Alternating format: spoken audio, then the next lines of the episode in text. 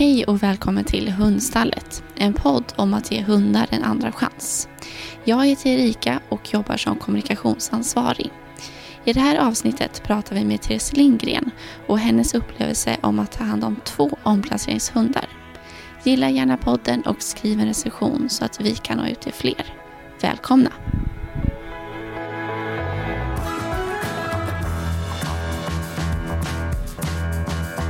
Idag så sitter jag med Therese Lindgren. Välkommen! Tack så mycket, jättekul att vara med. Ja, men det är superkul att du vill vara med. Eh, jag tänker att många vet ju redan vem du är, men du får jättegärna presentera dig själv. Yes, jag heter Therese Lindgren, jag är 35 år och jag jobbar som influencer sedan åtta år tillbaka och framförallt då på Youtube och på Instagram. Jag har två stycken hundar och eh, tar ofta hand om jourdjur. Så djur är mitt absolut största intresse. Och det är ju därför också du är här idag, för att berätta om dina två hundar. Ja. Eh, som är, hur gamla är de nu? Fyra har de precis Fyra år. Ja. Och du fick dem när de var valp, va? ja, jag Mm. tror att de var strax efter eh, fyra månader Mm. gamla när de kom till Sverige. De är adopterade, de var gatuhundar på Irland, eller deras mamma var gatuhund och sen så eh, föddes valparna på ett shelter. Så Okej, att de ja. har aldrig varit ute på gatan i Irland, men, eh, men de kommer därifrån. Och Ra- Rasmus och Ronja, som de heter, vill du berätta vilka, vilka de är? Ja, Rasmus och Ronja, det är två stycken kullsyskon från Irland. Deras mamma var en gatuhund, men de föddes inne på ett shelter, så att de aldrig varit gatuhundar. Och de har bott hos mig sedan de var fyra månader. Eh, de är helt tokiga båda två. Två stycken små vilddjur. Ronja, hon älskar kommandon. Alltså det hon blir helt nästan som manisk. Alltså hon, hon, blir, hon får en annan blick i, i ögonen när man börjar träna kommandon och när hon ska söka och agility. Alltså hon riktigt så här, hon gillar att jobba. Eh, Medan Rasmus, han, han älskar att rulla sig i bajs. Han älskar att hämta grejer. Han älskar eh, också söka, men framförallt att hämta saker och jaga saker. Och det är mina två bästa vänner. Ja, och de, för de är syskon. Ja. Tycker du att man märker det på något sätt? Alltså är de lika på något sätt så, förutom utseendemässigt Mm. såklart, men är de liksom, märker man det på något annat sätt? För de eh, känns ganska olika så om de är, ja. är Rasmus den här liksom lite lugnare? De är väldigt Ja. olika, men de är också lika. Ja. Rasmus är mer... eh, Eller Ronja känns som en typisk lillasyrra. Jag vet inte vem Ja. som är äldst, men, men det är alltid Rasmus som börjar skälla på andra hundar till exempel. Då hänger Ronja med. Och det är alltid Rasmus som börjar rulla sig i någonting och så hänger Ronja Ja. på, så hon hänger på honom. Eh, Kanske två syskon bara. Som, det känns som att så här, syskon generellt, att man liksom bara hänger på. Och liksom gör det andra buset som den andra gör. Eh, men om vi skulle gå tillbaka. Varför, varför hundar? Har du växt upp med hundar eller? Ända sedan jag var liten så har jag haft ett stort intresse för djur. Eh, min, min första dröm var att jag skulle jobba som veterinär när jag var en liten flicka. Och jag hade alltid mycket djur i mitt rum. Alltså, mina föräldrar ville inte köpa djur till mig, så jag var ute och plockade sniglar. Och från någon kompis i skolan köpte jag vandrande pinnar och jag köpte en fisk utan att mina föräldrar visste om det. Men alltså, jag älskade djur, men, eh, men... Och sen så blev jag vegetarian och sen så blev jag vegan. Och under den här tiden när jag blev vegan, det här var i 20-årsåldern, då började jag också vara jourhem åt hundar via en organisation. Så då, då, jag hade ingen egen hund, men däremot när jag var yngre så hade vi en hund när jag var barn. Eh, eller jag var mellan 10 och 15 när vi hade den här hunden. När dina föräldrar skildes, var, då var ni tvungna att lämna bort? Hunden, ja. Ja, för Ja. mamma var tvungen att jobba med och Ja. kunde inte ta med sig hunden. Nej. Och det är ju det som också är det svåra med hund egentligen. Att Ja. få, få vardagen att, eh, att fungera. Ja, För det är ju verkligen. svårare med hund såklart.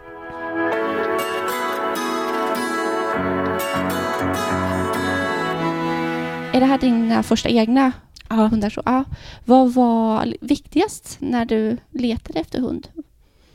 Jag visste redan från början när jag och min sambo började prata om att skaffa hund att jag vill vara jag är väldigt intresserad utav hundar och tycker mycket om både att fysträna men också träna kommando. När jag var yngre, där i tonåren, när vi i familjen hade en hund, så tränade jag lydnad varje vecka och agility och sök och har tävlat mycket också.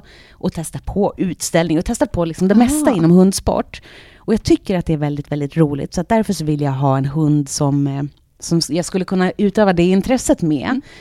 Eh, så att jag letade framförallt efter, inte seniorer, eh, även om man kan göra aktiva saker med seniorer också, så ville jag mer vara ute i... Alltså det var liksom hundsport som jag var sugen på. Eh, och så var jag sugen efter på en hund som skulle vara i alla fall medelaktiv. Mm. Eh, men sen ras så hade jag liksom inte någon mer preferens än att jag, jag inte ville ha så jättestora hundar för att det tar mycket plats i Ja. bilen. Det blir mycket enklare med mindre. Men vad, eh, för du fick ju två hundar på en gång. Var tanken att du ville ha två hundar eller var det en hund eller hur? Nej, Erika, Nej. det var så här. Jag skulle bara eh, köpa Ronja, men den andra hunden, Rasmus, hade inte fått något eh, hem. Så då så Ah. sa jag så här, men han kan få bo hos oss så länge. Jag kan vara jourhem åt Rasmus. Men så efter två veckor, nej. Det var ju så gulligt att ha dem tillsammans. Och jag var också så glad över att ha två hundar. För första gången så hade jag liksom två hundar samtidigt. Jag har lång erfarenhet. Jag hade varit jourhem åt elva hundar. Så jag har varit jourhem i flera år åt olika hundar som har kommit och gått. Men det här var första gången som jag hade två stycken samtidigt. Och det var liksom något helt annat att de kunde leka med varandra och aktivera varandra och också vid ensamträning så hade de varandra och ib- ibland var det ju också dåligt att de hade varandra för de, de kan ju också trigga varandra. Så att det innebär ju också problem. Det är ju inte bara lätt att ha två hundar. Nej. Men, eh, men jag kände där direkt att, att eh, jag klarar att ha två hundar och de mår bra utav att vara två. Ja, och jag tänker också om de har varit tillsammans från början så är det jättefint att de har Ja. fortsatt få vara det. Ja, Också så här, ja men jag tänker varandras trygghet. Om man verkligen. kommer liksom eh, utomlands och kommer hit och Ja. superfint. Det är väldigt fantastiskt just det här, jag tänker bandet mellan två hundar också. Att det kan vara så starkt, även om de kanske hittar på olika bus ihop så är det ju ändå att de, ja men det är väldigt fint att se. ja. Den. Gud ja, det är jättefint. Men och du valde ju omplaceringshundar, alltså att inte köpa från en svensk eh, uppfödare. Mm. Vad- varför, varför då?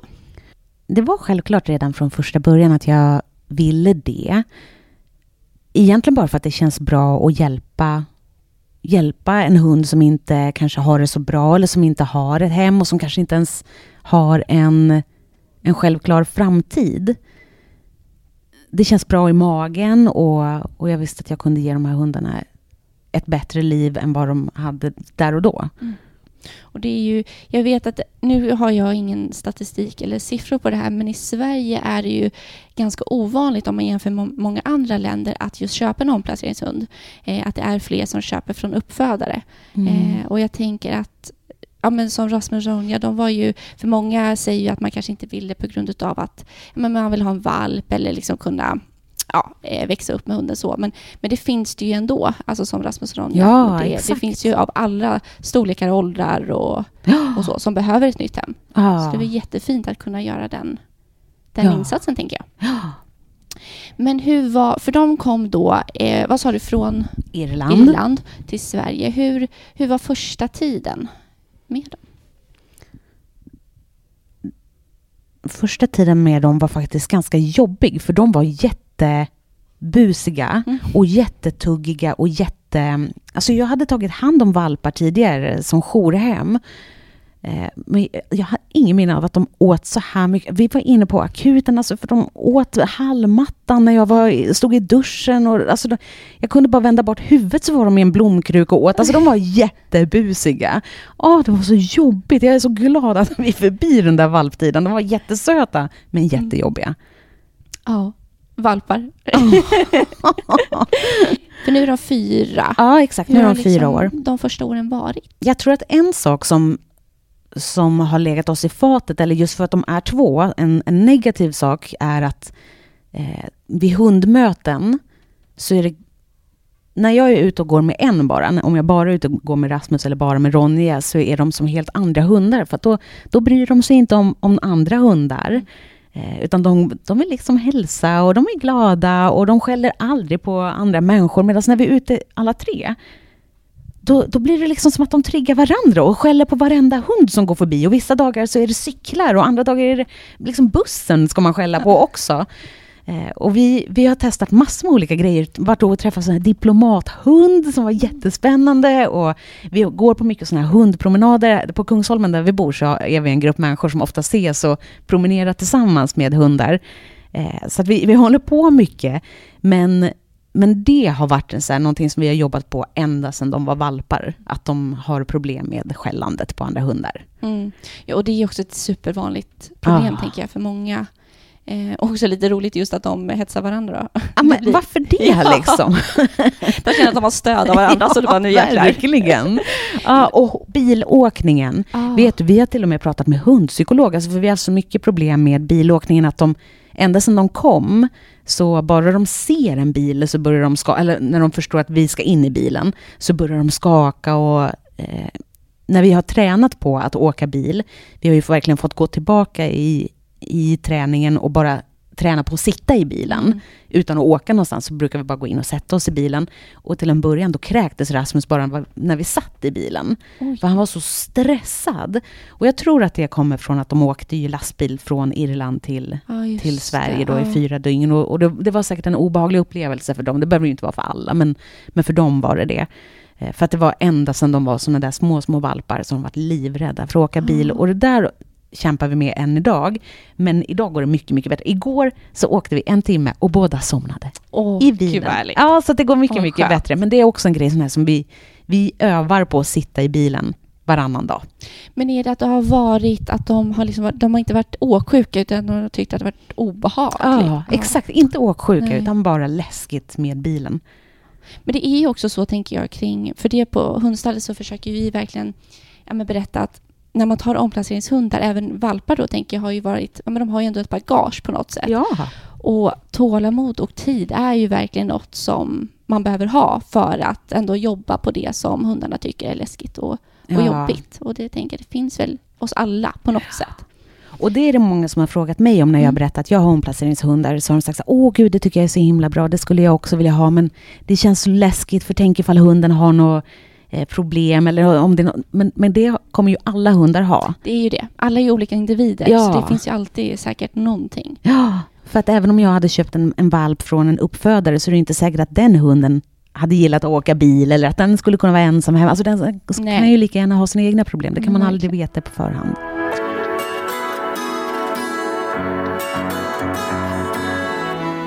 Men du sa, du hade träffat en diplomathund. Ja. Hur var det? Det var jättekul. Ja. En diplomathund för den som inte vet. Jag visste faktiskt inte själv vad det var förrän jag såg en video på TikTok.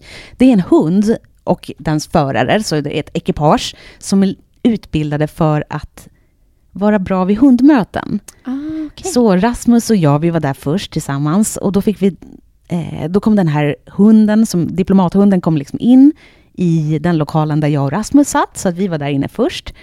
Och Rasmus började skälla. Men den hunden, den liksom bara gjorde allting rätt. Den tittade snabbt på Rasmus och läste av honom. Sen så satte hon sig med ryggen mot. Och så fick Rasmus gå fram och lukta lite grann på svansen. Och hon bara satt där. Och så ville hon hela tiden visa att hon var lugn. Så hon gäspade lite grann och så la hon sig ner och bara gjorde alla de här lugnande signalerna.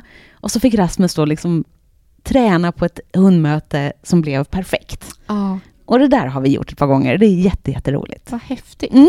För då är den hunden alltså utbildad till att kanske lära andra hundar hundspråk? Exakt, sätt, precis så. Gud vad häftigt. Ja. Har eh, Ronja också testat det? Ja, hur men, men alltså de är ju så duktiga när de är var för sig. Så Ja. att vi måste göra det tillsammans faktiskt. Det ska vi nog boka in härnäst. Men det är jättehäftigt. Att Mm. det, finns, det finns ju så mycket man kan göra med hundar och de utbildas på många olika sätt. Ah. Super, superhäftigt. Men vad skulle du säga är det bästa med att ha två hundar då? Även om de hetsar varandra. Ja, nej, jag tycker verkligen att det är att de har... Jag ser ju hur mycket de älskar varandra. Jag ser hur de blir glada. Ifall eh, Anders, min sambo heter Anders, han brukar ha ena hunden ibland, för de behöver också ibland träna på att vara ifrån varann. Nu senast var till exempel min Eh, Ronja, hon blev sjuk och var inne hos veterinären. Och vid sådana tillfällen så har vi tänkt att så här, om de måste spendera natten från varandra, eller de en, en behöver vara hos veterinären, så måste de kunna vara separerade. För i början så hade de världens separationsångest. Bara Ronja gick utanför dörren så satte sig Rasmus vid dörren och grät och grät och, och ylade och liksom letade efter henne. Så att jag har övat på att de ska vara isär. Eh, och, men när de väl då ser varandra så blir de så glada och de ska lukta på varandra. Och jag ser hur mycket de leker tillsammans, men också hur de här, precis som syskon kan bli arga på varandra. och så här, ifall Rasmus stjäl mat från Ronja blir hon sur och sådär. Eh, mm, det, det är jätte, jättekul att ha två hundar. Mm. Och Du jag, har ju också två hundar. Vad tycker du är det bästa med att ha två hundar?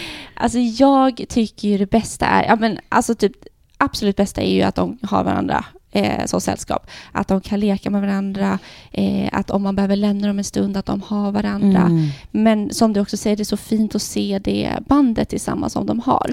Ehm, och mina två har ju levt ihop hela sitt liv eh, och kommer från hundstallet. Och det är, ja, men det, man märker att de, för de har ju varit med om en del, deras ägare gick bort.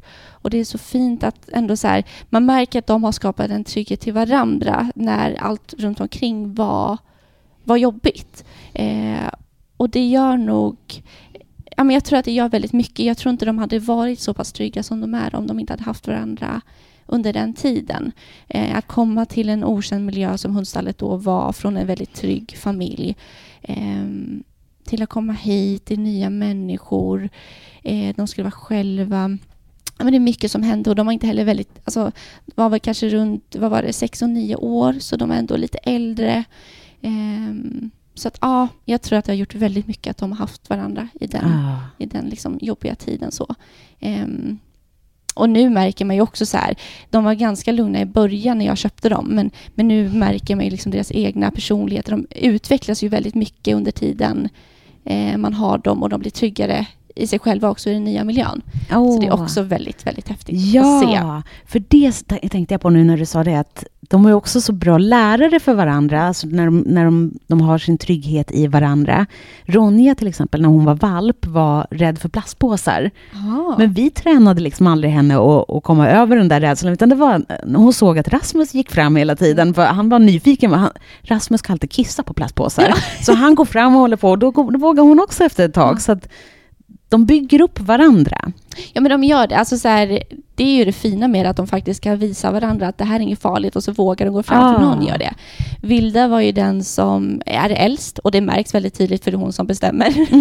eh, men också den som ja, men utåt sett kanske var, eh, vad ska man säga, men att hon gick fram först och då vågade hindra sig fram. Eh, och hon tog för sig mer. Eh, men det var också Vilda som inte klarade av att vara i boxen här på hundstallet själv, utan hon behövde ha Tindra. Mm. Så jag tror att det visar sig på olika sätt, men jag tror att Vilda behöver nog mer Tindra, fast hon inte visar det på något sätt också. Ja, Säkert. Så det är verkligen det fina, ja, att de ändå har varandra. Ja. Det är faktiskt fantastiskt. Men hur skulle du säga hur ditt liv har förändrats efter att du har fått Rasmus och Ronja? Rasmus och Ronja har hjälpt mig så himla mycket att komma fram till... Alltså omedvetet har de hjälpt mig att komma fram till en livsstil som jag trivs så himla mycket med. Eh, en livsstil som är väldigt aktiv. Vi spenderar jättemycket tid ute i skogen och vi har mycket eh, träning för oss, alltså inne i stan också. Vi håller på med våra benvikter och balansbollar. Och jag har precis köpt ett litet bollhav som är det roligaste Wow. de vet. Eh, vi spenderar mycket tid med varandra, jag och Rasmus och Ronja. Och, och jag spenderar mindre tid med vänner. och jag mår toppen av det. Nej, jag tror att förut så var jag en, för jag är en ganska introvert person. Och förut så, så spenderade jag mycket tid med att typ försöka att vara mer extrovert. Jag försökte liksom hålla igång många sociala relationer trots att det kanske inte riktigt var min personlighet. Utan jag, jag gillar att ha ganska få människor runt omkring mig. Det, det bara trivs jag bäst med. Och det är tack vare Rasmus och Ronja som jag har landat i det och, och äntligen hittat hem känns det som. Och jag, jag har aldrig mått bättre än vad jag gör med Rasmus och Ronja nu när vi, vi har verkligen landat i, i en perfekt livsstil för oss. Åh, Ja. jättehärligt. Men det är också, alltså, jag tänker just det här med promenader och alltså, jag kan märka när jag, för jag har, ja, men har en del ångest, alltså så här väldigt lätt att få ångest, eller att man Mm. tycker saker är jobbigt. Och just att bara få komma ut som man annars aldrig hade gjort är ju det bästa Ja, oh ja. medicinen. Så allt inom det också hjälper ju hundarna med. Ah, Oh ja, 100 procent. Så härligt att Det var få- därför, för när jag eh, skaffade min första jourhund, det var när jag precis hade blivit utbränd. Jag var sjukskriven i nio månader och under den nio månaders perioden så tog jag emot en jourhund och allting vände. För att jag fick någon som välkomnade mig varje morgon med en glad svans och jag kände mig så värdelös som inte kunde jobba och som inte alls var den här framgångsrika personen som jag någonstans drömde om att bli. Men den här hunden, den dömde mig liksom inte överhuvudtaget, utan han var bara jätteglad att se mig varje dag. Och, och vi promenerade så mycket och kom ut på ett helt annat sätt. Så det hjälpte verkligen mig i min psykiska ohälsa att skaffa hund. Ja, ja, men de har ju verkligen en tendens till att få Ja. en att må så mycket bättre. Ja. Det ja, de ger hur mycket som helst.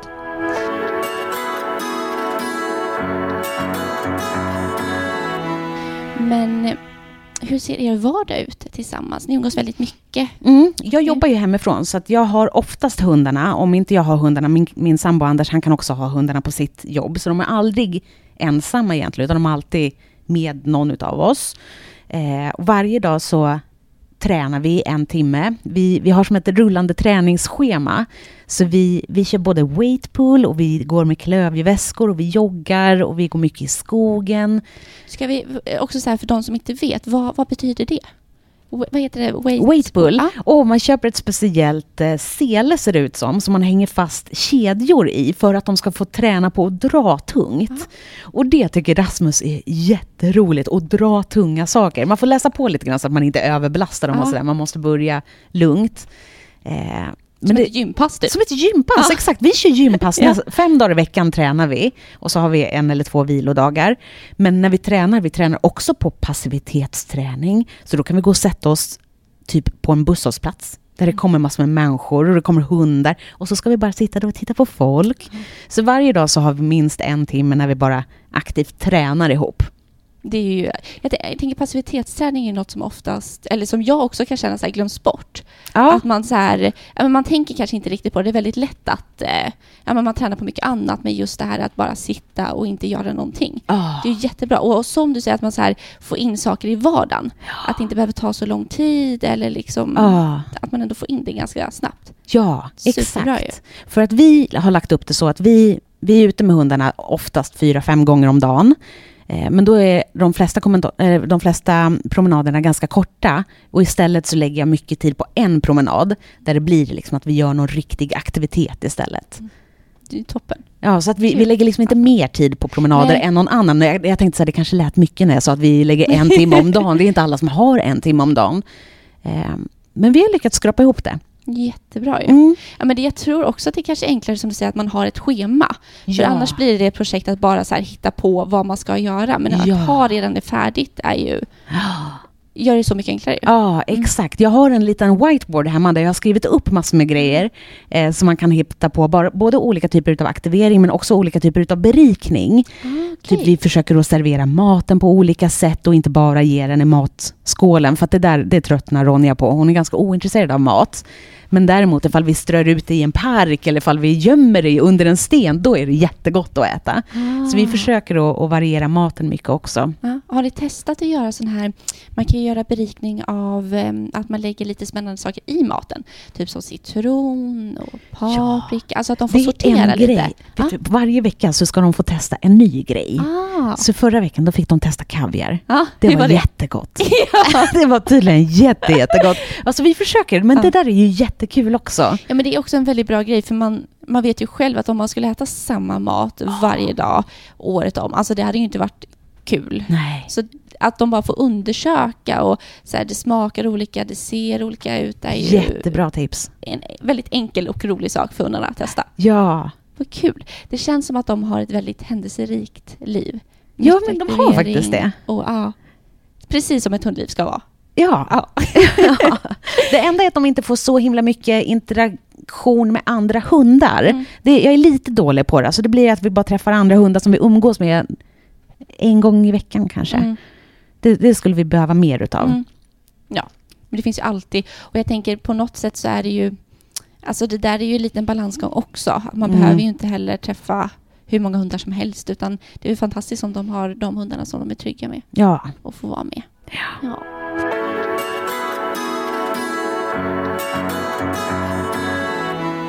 Ja, men en fördom som finns kring att köpa en omplaceringshund är att eh, ja, men att de kommer med bagage och att det är så svårt att köpa eller ta, ta hand om en omplaceringshund.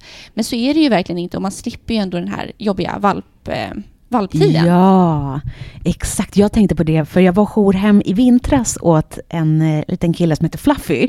Och han var, jag tror att han var fem eller sex år när han kom till mig och bodde hos mig eh, bara en månad. Och jag kände, åh herregud vad skönt.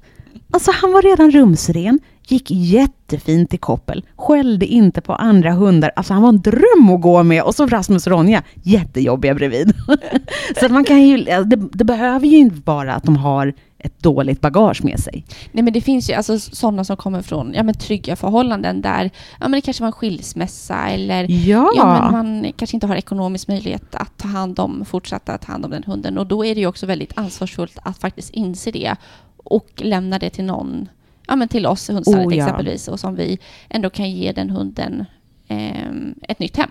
Ja. Så det ja, nej men verkligen, det finns hur enkla hundar som behöver ett nytt hem också. Det är inte alltid att de har många svåra problem. Nej. Ehm, men jag tänker, du var inne på just det här med jourhem. Mm. Som du var, det var länge du var det va?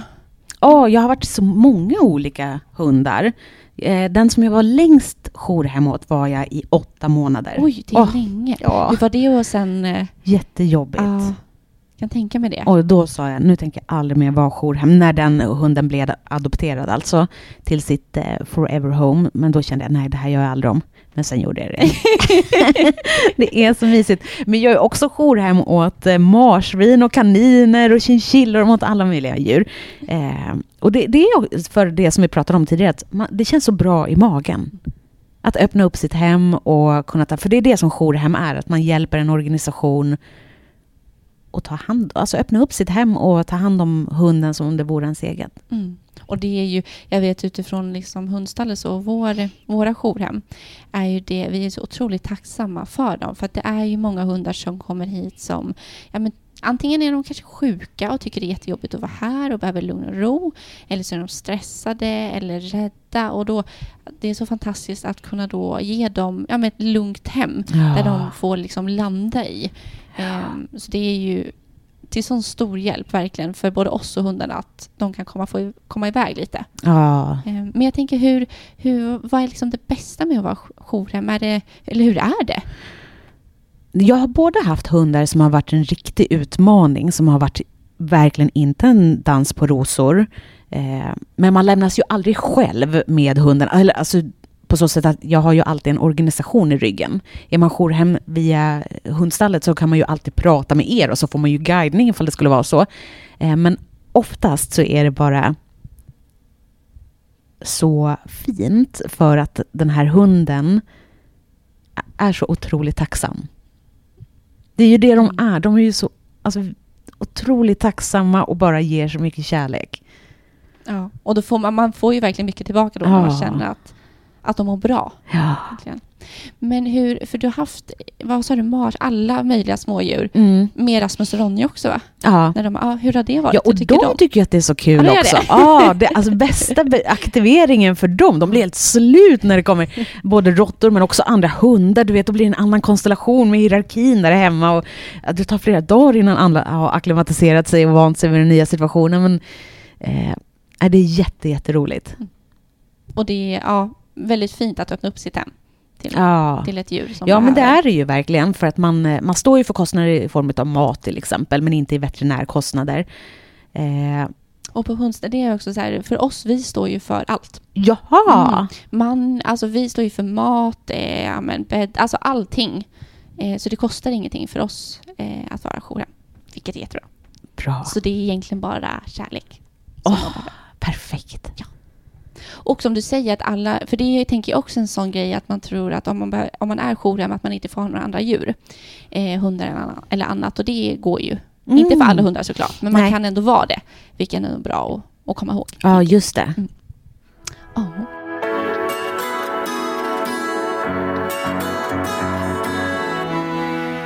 Om det är några som lyssnar nu som eh, funderar på att köpa en omplaceringshund, vad skulle dina bästa tips vara? Åh, vad roligt. Framförallt, mitt första tips är att läsa på om organisationen som man vill gå igenom, som man vill då köpa hunden via. Eh, eftersom att det är ett jättestort problem med smuggelhundar till exempel. Det finns organisationer som inte är 100% seriösa och man, man, man, behöver göra sin research när det kommer till själva organisationen. Men det finns ju mycket brottslig verksamhet kring, ja. eh, kring hundar och valpköp och speciellt nu när det har varit eh, under pandemin när det har varit så otroligt tryck på hundar oh. så har ju det Alltså när det varit så stor efterfrågan så har ju det på något sätt gynnat eh, den här brottsliga oh, ja. eh, verksamheten kring det. Så det är jättebra att läsa på så att det har gått rätt till. För att ah. inte gynna något av det. Och inne på samma linje faktiskt, att, att kanske inte välja hund. Det, det gäller ju oavsett om det är en omplaceringshund eller inte, men att inte välja hund efter utseende. Eh, det verkar som att det, det, går så himla mycket trender i hundar och, och de trenderna handlar ofta om utseende. Mm. Att man vill ha en hund som ser ut på ett visst sätt. Och det kan ju bli jättefel ifall man eh, inte kan ge en hund tillräckligt mycket aktivering till exempel. Eller ifall man eh, köper en hund som inte passar ens egen livsstil.